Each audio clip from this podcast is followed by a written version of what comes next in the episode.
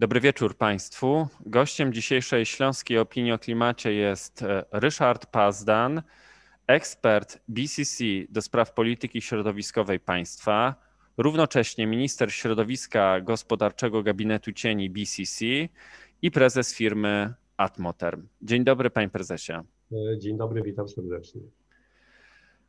Pretekstem do tej dzisiejszej rozmowy jest stanowisko czy ocena właśnie tego gabinetu cieni BCC, jeśli chodzi o politykę państwa w 2020 roku. Zanim przejdziemy do tego stanowiska dotyczącego e, ochrony środowiska, chciałbym zapytać, co to jest ten gospodarczy gabinet cieni BCC i jak on działa. W BCC postanowiliśmy od już prawie 10 lat, że będziemy dokonywali takich dość odrębnych ocen poszczególnych gałęzi. W zasadzie te oceny y, dokonywane były za poszczególne minione kwartały danego roku i rzeczywiście staraliśmy się pokazać, jakie działania zostały przez rząd podjęte, które spowodowały pewne wręcz szkody, jakie te, które możemy pochwalić i staraliśmy się uzasadnić, co naszym zdaniem powinno być w najbliższym czasie zrobione, żeby poprawić ten obszar gospodarki y, czy państwa, który jest przedmiotem naszego działania. Tak się złożyło, że podjąłem się y, oceny, dokonywać takich, takich właśnie opinii w obszarze środowiska, czy ostatnio klimatu i środowiska. Tak zostało to podzielone. To znaczy przyjęte zostało mniej więcej nomenklaturę i podział strukturalny taki, jaki jest w rządzie.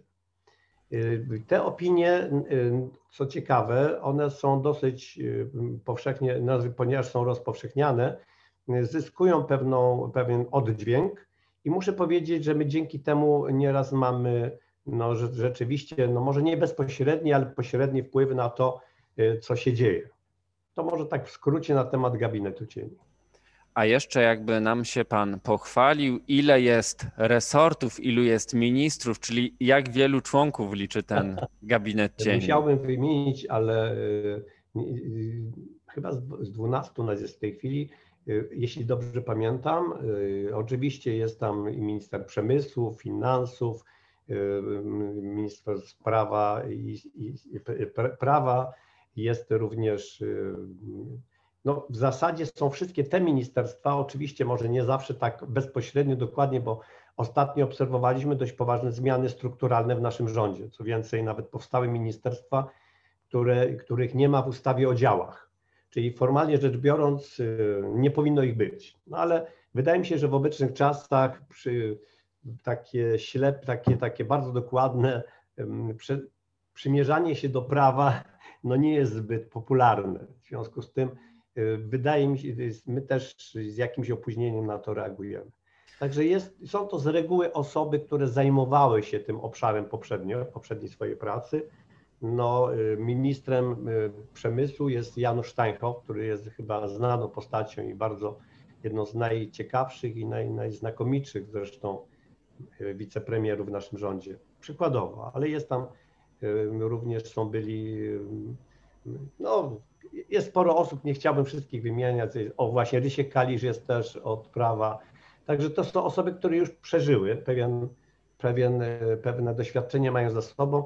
Jeśli o mnie chodzi, no ja nie byłem nigdy ministrem. Muszę powiedzieć, że raczej byłem z dystansem do wszelkich funkcji administracyjnych. Osobiście wolę zajmować się przedsiębiorczością. Zresztą uważam, że ta przedsiębiorczość w największym stopniu wpływa na nasz kraj, na naszą gospodarkę mm, i może z tego powodu, że ponieważ już zajmuję się tym 40 lat, w tym roku właśnie dokładnie mija 40-lecie istnienia mojej firmy, czyli 10 lat za czasów PRL-u i 30 lat za obecnych czasów, to mogę porównać jak było, jak jest, w jakim kierunku zmierzamy i dokonywać pewnych ocen, ponieważ no niestety jak widać to nasze środowisko nie ulega jakiejś gwałtownej poprawie. Nawet rzekłbym, że bywają lata, że jest gorzej niż poprzednich przynajmniej w pewnych działaniach, co jest smutne. Z jednej strony to cieszy, że gabinet cieni nie jest aż tak rozbudowany jak dzisiejszy rząd. E, z drugiej strony również cieszy to, że e, Państwo koncentrujecie się bardziej na ocenie i takiej eksperckiej ocenie tej polityki, którą prowadzi rząd naszego państwa. Więc teraz płynnie myślę, przejdźmy do tego, jak Państwo oceniacie politykę ochrony środowiska czy politykę środowiskową w ubiegłym 2020 tak, roku? Rzeczywiście ja w opinii, ocenie swojej skoncentrowałem się na roku 2020, aczkolwiek jak już wspomniałem, z tyłu głowy czy w pamięci mam to, co się działo przy, przy ciągu ostatnich 10, przynajmniej 20 nawet lat. Zasadniczym problemem, jaki dotyczy, dotyka nasz, nasz, nasz rząd i w ogóle nasz kraj, to jest to, że my w zasadzie e, prowadzimy tą politykę w sposób taki chaotyczny. Brak jest odpowiednich rozwiązań strukturalnych, które by pozwoliły na prowadzenie, na prowadzenie działań i w cudzysłowie tej polityki e, przy przeciągu 15-20 lat, bo w takim czasie należy rozłożyć sobie funkcjonowanie pewnych przedsięwzięć, które mogą poprawić stan tego środowiska. Ja z swojej perspektywy to mogę powiedzieć tak, że nawet 30 lat temu, 20 lat temu, 10 czy nawet teraz, to mogę powiedzieć tak, że no widzę, że, no, że trzeba co najmniej 10, 15, 20 lat, żeby dokonać określonych zmian. I to jest trochę przerażające, bo człowiek żyje w takiej perspektywie, że to nastąpi, a to nie następuje. Czyli efekt jest taki, Y, końcowy, że obecnie stan środowiska w niewielkim stopniu jest poprawiony w stosunku do lat na przykład tych poprzednich dekad. Oczywiście y, byłbym tu też nie do końca sprawiedliwy, gdybym nie powiedział, y, że jednak pewne problemy związane, ale jednak z zanieczyszczeniami związków, związków siarki czy azotu uległy zdecydowanej poprawie. Przemysł jest już inny niż dawniej. Natomiast my mamy w tej chwili problemy ogromne, szczególnie w kraju, związane z tym, że w zasadzie cała infrastruktura do wytwarzania prądu, dostarczania ciepła jest oparta na bardzo przestarzałych formach jego wytwarzania i nieskutecznych i bardzo drogich. I to się nie zmienia i naszym, moim zdaniem to jest właśnie powód, że jest tak, a nie inaczej. My wprawdzie się zachwycamy i słusznie, że likwidujemy kotły, że na przykład jest troszeczkę lepiej, jeśli chodzi o zanieczyszczenie pyłami. My go nazywamy smogiem, ale już na przykład z takiej oceny już głęboko eksperckiej, ponieważ tak się złożyło, że wykonaliśmy jako firma z kolei prawie 120 tak zwanych programów ochrony powietrza, w tym również dla Śląska i Małopolski, to muszę powiedzieć, że skuteczność tych działań jest bardzo niska. 15-20% poszczególnych działań naprawczych z różnych powodów. I to nie tylko są pieniądze. W dużym stopniu na te działanie niestety wpływa destrukcyjne działanie polityki, powodujące, wynikające stąd, że nowe rządy, nowe gabinety chcą robić inaczej. Chcą po prostu pokazać, że uzyskują same pewne sukcesy, nadmiernie centralizują te działania. I w związku z tym mamy taką sytuację obecnie, że jesteśmy państwem, których to wszyscy wiemy świetnie, na 50 najbardziej zanieczyszczonych miast Europy to 30 jest z Polski. Że przecież jeszcze nie tak dawno, to tydzień lub dwa temu Wrocław był najbardziej zanieczyszczonym, jeśli chodzi o powietrze miastem, nie wiem czasem czy nie na świecie. To jest po prostu co, świetnie zdajemy sobie sprawę od lat, że to powoduje ogromne ilości chorób, również płuc. Teraz przy, tym, przy tej pandemii, przy tym, tej pandemii, tej całej prawie że panice covidowej, to rzeczywiście choroby płuc, zanieczyszczenie powietrza w dużym stopniu wpływają na, na śmiertelność, na, na ciężkie choroby. I to się cały czas dzieje. Jestem troszeczkę oceniając tą sprawę zdruzgotany, bo wydaje mi się, że brakuje pewnych istotnych y, działań takich systemowych i systematycznych. To znaczy, wykonuje się cały szereg prac, które przynoszą pewne efekty, tworzy się nowe programy, które no, niektóre wręcz zaprzeczają innym, ale no przykład, program Czyste Powietrze, który już jest prowadzony bodajże dwa lata, bardzo nieefektywnie i biorąc pod uwagę ile środków, jakie, była, jakie, jakie były przeznaczone na ten program, to można powiedzieć, że efektów w zasadzie nie ma. Ja nie chcę się zagłębiać w szczegóły i oceniać to w poszczególnych obszarach, województwach, ale mając doświadczenia z tych właśnie programów ochrony powietrza, to mogę powiedzieć tak, że pomimo, że w zasadzie jest dość istotnie określone, jak to ma być realizowane przez samorządy wojewódzkie na przykład, bo to one odpowiadają za te programy, one ustalają działania naprawcze, to właściwie od 15 lat, no te programy się powtarza co kilka lat, ciągle notujemy przekroczenia, chociaż zadaniem każdego takiego programu jest zlikwidowanie tych przekroczeń. Więc co się dzieje, że, że, to, się, że to nie jest realizowane? Od, mówimy mnóstwa lat. Ja nie mówię o tym w tej chwili, nie odnoszę się do działań chwilowych. No i wiem na pewno, że po prostu brak jest odpowiedniego, skutecznego systemu zarządzania jakością środowiska w państwie. Na pewno to jest bardzo trudny obszar, ale musi on być ustalony i, i po prostu kontynuowany w sposób niezwykle konsekwentny, ponieważ, tak jak powiedziałem, na to poprzednio pieniądze są. Możemy teraz sami prześledzić, co się dzieje. Oczywiście, niestety, polityka często w tym przeszkadza, ale na przykład zarówno w poprzednich latach mieliśmy te programy operacyjne i programy wynikające również z partnerstwa unijnego, które przyniosły mnóstwo pieniędzy obecnie ta ilość środków wzrośnie.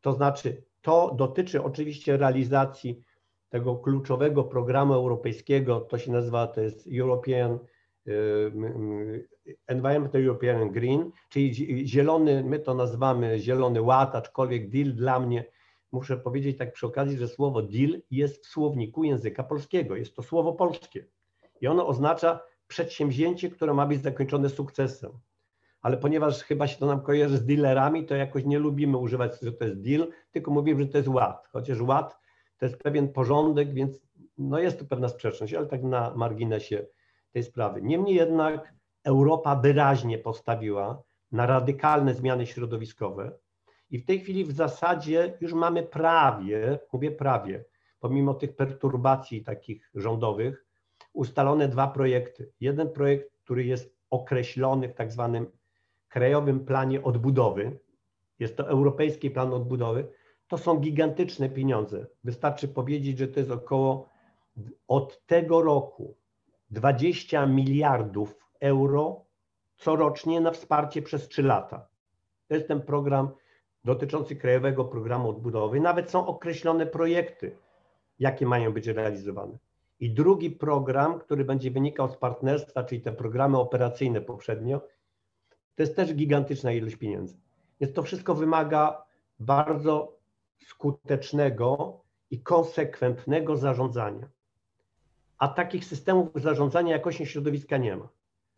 Panie prezesie, a spróbujmy teraz jeszcze y, wrócić do tego, y, co, y, jak wyglądała polityka środowiskowa państwa polskiego w ubiegłym roku, bo zaprezentowaliście Państwo oczywiście pewne pozytywy, ale również pewne zagrożenie. Na razie mówiliśmy o zagrożeniach, czyli mówiliśmy o tym, że no, negatywnie oceniamy, czy Państwo negatywnie oceniacie włączenie się Polski jako jedynego kraju w Europie z prac nad Europejskim Zielonym Ładem przyjętym do realizacji na grudniowym szczycie.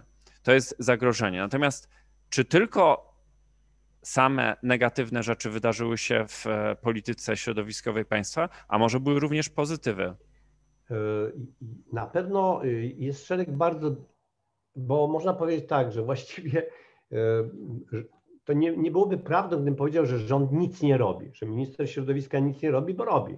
Tym bardziej, że naprawdę mamy moim zdaniem świetnego ministra środowiska, który jest fachowcem, jest uznanym fachowcem na całym świecie, wszyscy się liczymy z jego opinią i, i który między innymi zrobił duży wkład, żeby wykreować przynajmniej nowy projekt polityki energetycznej państwa, która nie, jeśli tylko zostanie uchwalona według jego wyobrażeń, to i tak będzie duży sukces naszym zdaniem, ale są y, y, działania, tylko to nie są działania strategiczne, te, które przynoszą korzyści dla naszego biznesu. To, są to działania chwilowe i takich działań trochę jest. Nie ma po prostu y, czegoś, co można by było nazwać, że to jest, są działania strategiczne w kierunku osiągnięcia wyjątkowych korzyści. No ciągle się coś zmienia, między innymi został poprawiony ten program, na przykład o którym wspomniałem, y, czystego powietrza.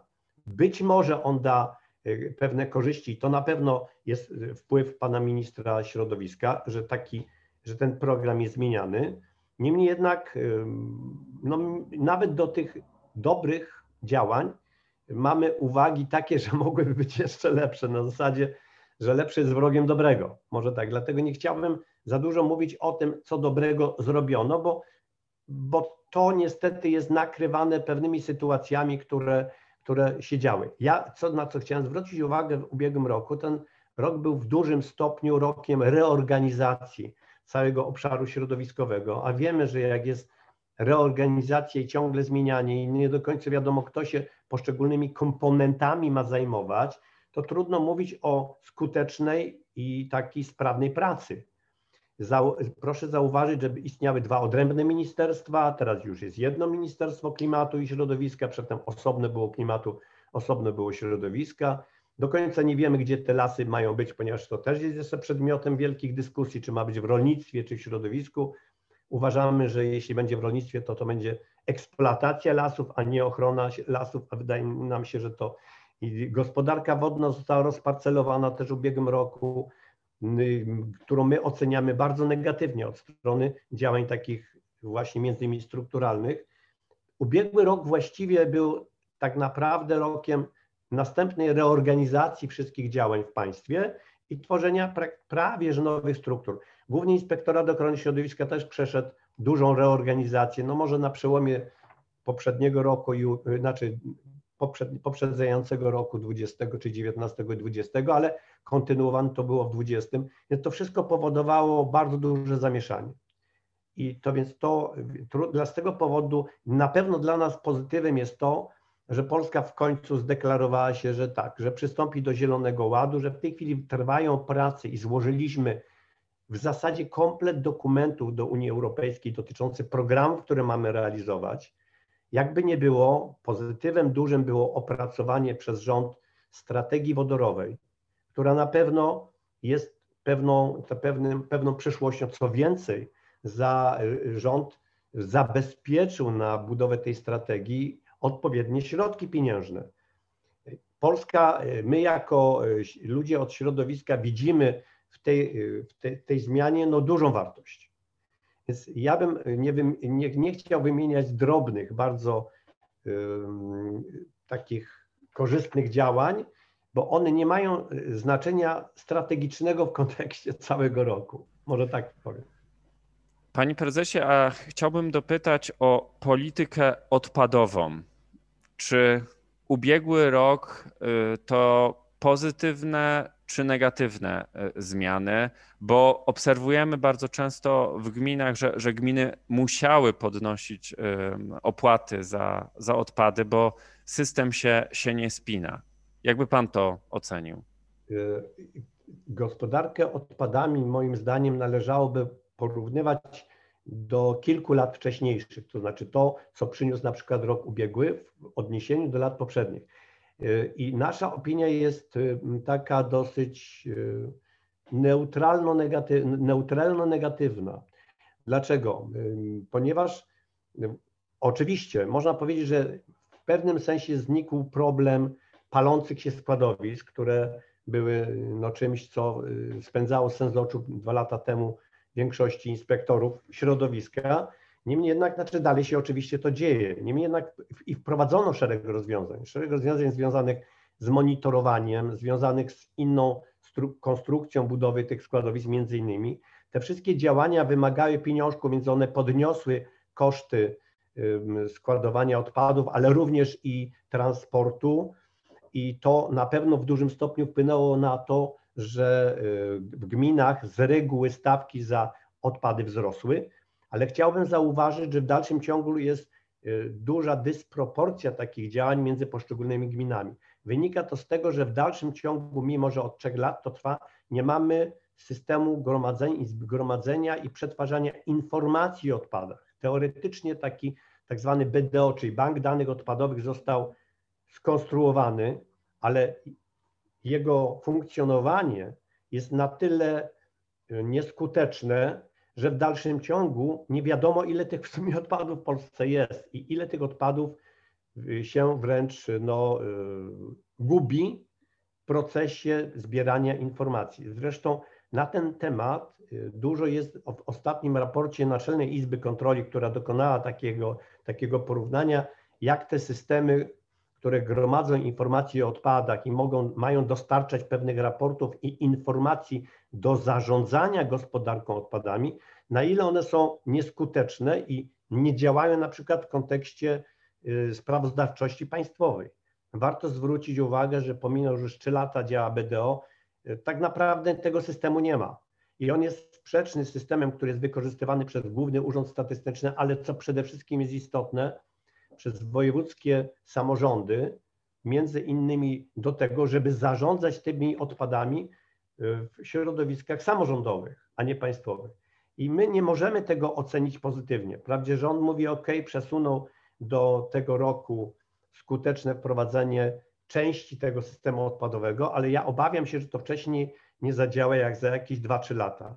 A muszę powiedzieć, że bazy danych i zgromadzenie informacji po to, żeby stawiać diagnozy, jest kluczową sprawą w ogóle do zarządzania gospodarką odpadami. I w tej chwili rzeczywiście występuje tyle anomalii w poszczególnych gminach. W wielu przypadkach my to świetnie znamy, ponieważ doradzamy tym gminom, jak powinni zrestrukturyzować swoje programy gospodarki odpadami, że to na pewno nie możemy ocenić pozytywnie.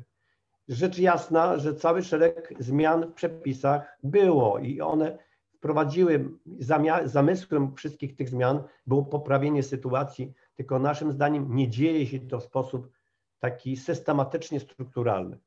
Może się tego znowu przyczepię. To znaczy negatywnie generalnie oceniamy w ogóle zarządzanie jakością środowiska przez państwo w zasadzie we wszystkich komponentach. No dobrze, to teraz przenieśmy się troszeczkę na nasz śląski plac, jak to się mówi, i e, porozmawiajmy chwileczkę o jakości powietrza na Śląsku. Wspominał pan prezes o tym, że e, przygotowywaliście program ochrony powietrza.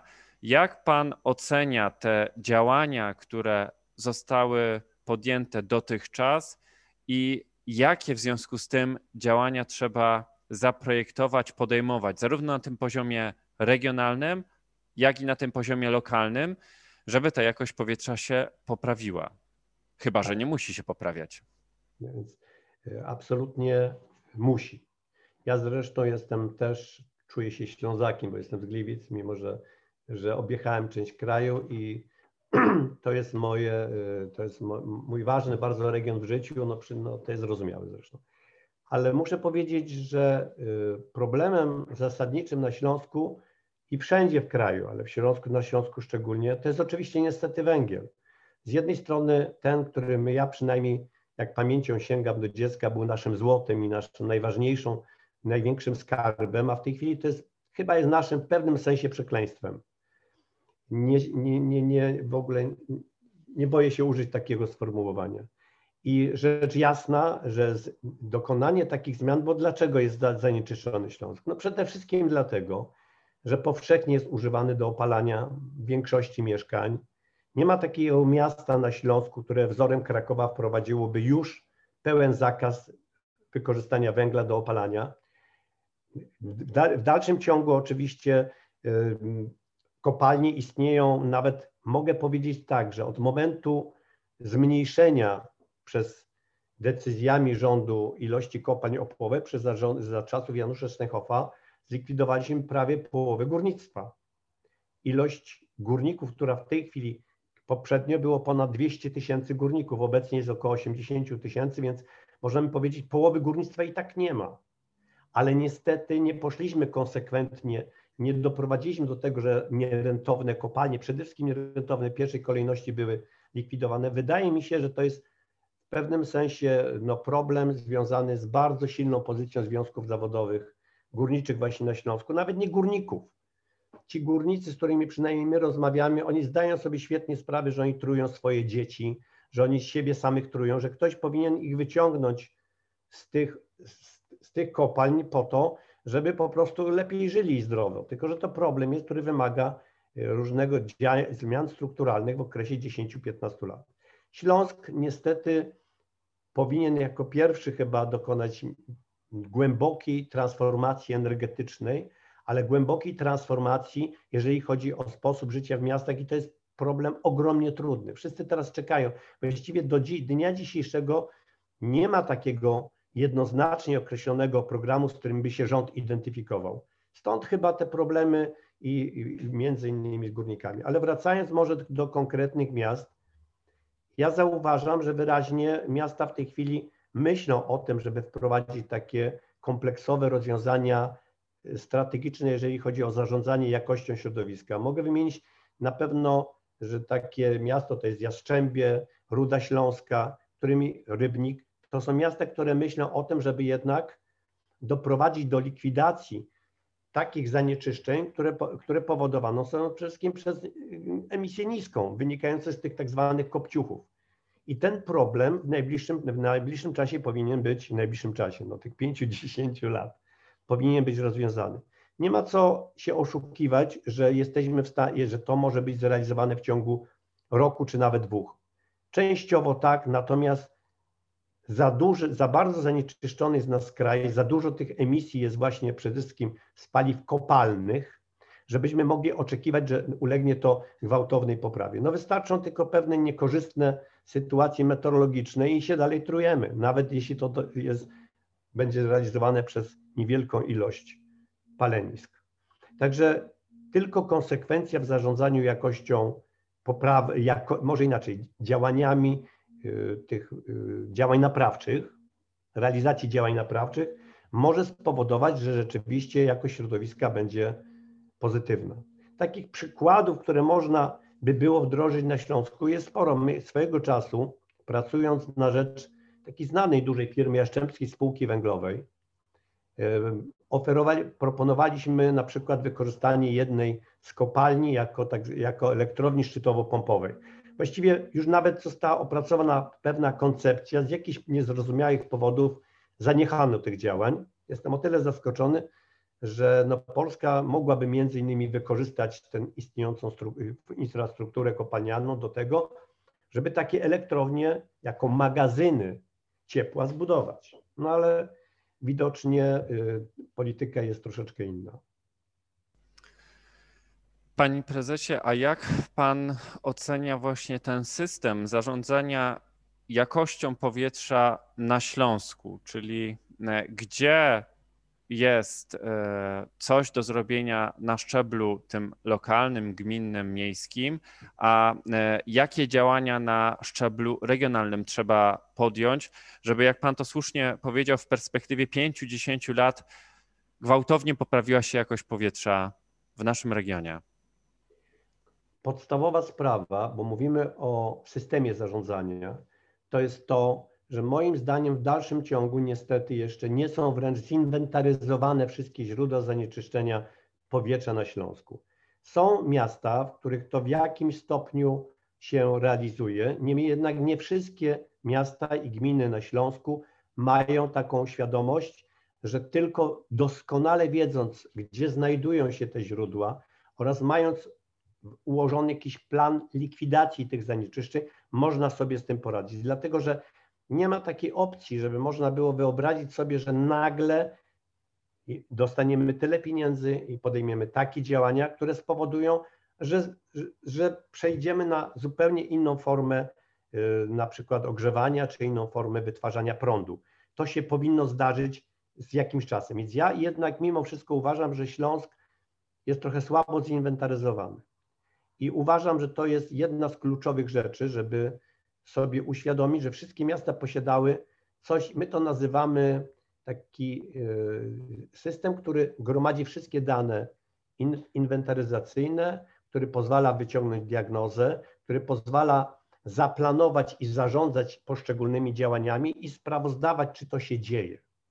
Większość działań jest jednak mimo wszystko realizowanych na zasadzie pewnych takich podejść intuicyjnych, i nawet troszkę sprzecznych. Jest to o tyle, no może nie zaskakujące, ale że w końcu jakby nie było, te działania, te programy ochrony powietrza, one wynikają z pewnych konsekwencji takich działań, co zrobić, żeby było dobrze. No więc można powiedzieć, jak już tyle razy robiliśmy te programy, to dlaczego nie jest dobrze? Ano dlatego, że niestety nie wszystkie gminy realizują to w taki sposób, żeby zlikwidować to zgodnie z programami ochrony powietrza.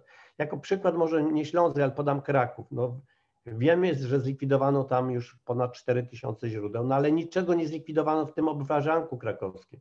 Czyli są dnie, kiedy mimo, że już nie pali się w Krakowie węglem, to jest jednak smog, który wynika z napływu z sąsiadów. To samo jest na Śląsku. Przecież Śląsk tak naprawdę to jest jedno wielkie miasto. Większość gmin sąsiaduje ze sobą budynkami. Jest wiele budynków, które, więc jeśli nie będzie tu działań bardzo spójnych, jednoznacznych dla całej aglomeracji śląskiej, to sytuacja niestety nie poprawi się zbyt szybko. No przynajmniej będzie uzależniona od takich właśnie działań trochę intuicyjnych.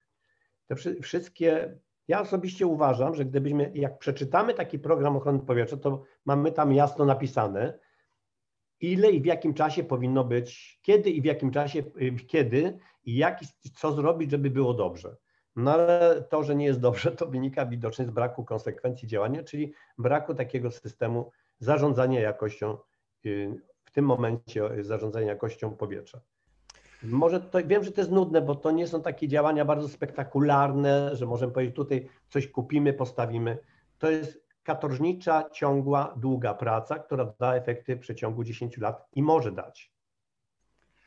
E, bardzo dziękuję za tę dzisiejszą rozmowę. Może zakończmy właśnie takim apelem o taką sukcesywną, konsekwentną, organiczną pracę na rzecz poprawy jakości powietrza i takim apelem o to, żeby e, zarówno na tym poziomie lokalnym, jak i na tym poziomie regionalnym opracować system zarządzania jakością powietrza, czyli określić te ramy. W jakim czasie i ile tych e, źródeł wysokoemisyjnych ciepła wymienić, e, żeby ta jakość powietrza się gwałtownie poprawiła. Bardzo dziękuję za dzisiejszą rozmowę. Moim gościem był dzisiaj pan e, Ryszard Pazdan, prezes firmy Atmoterm, minister środowiska gospodarczego gabinetu cieni BCC, ekspert BCC do spraw polityki środowiskowej państwa. Dziękuję bardzo. Bardzo serdecznie dziękuję.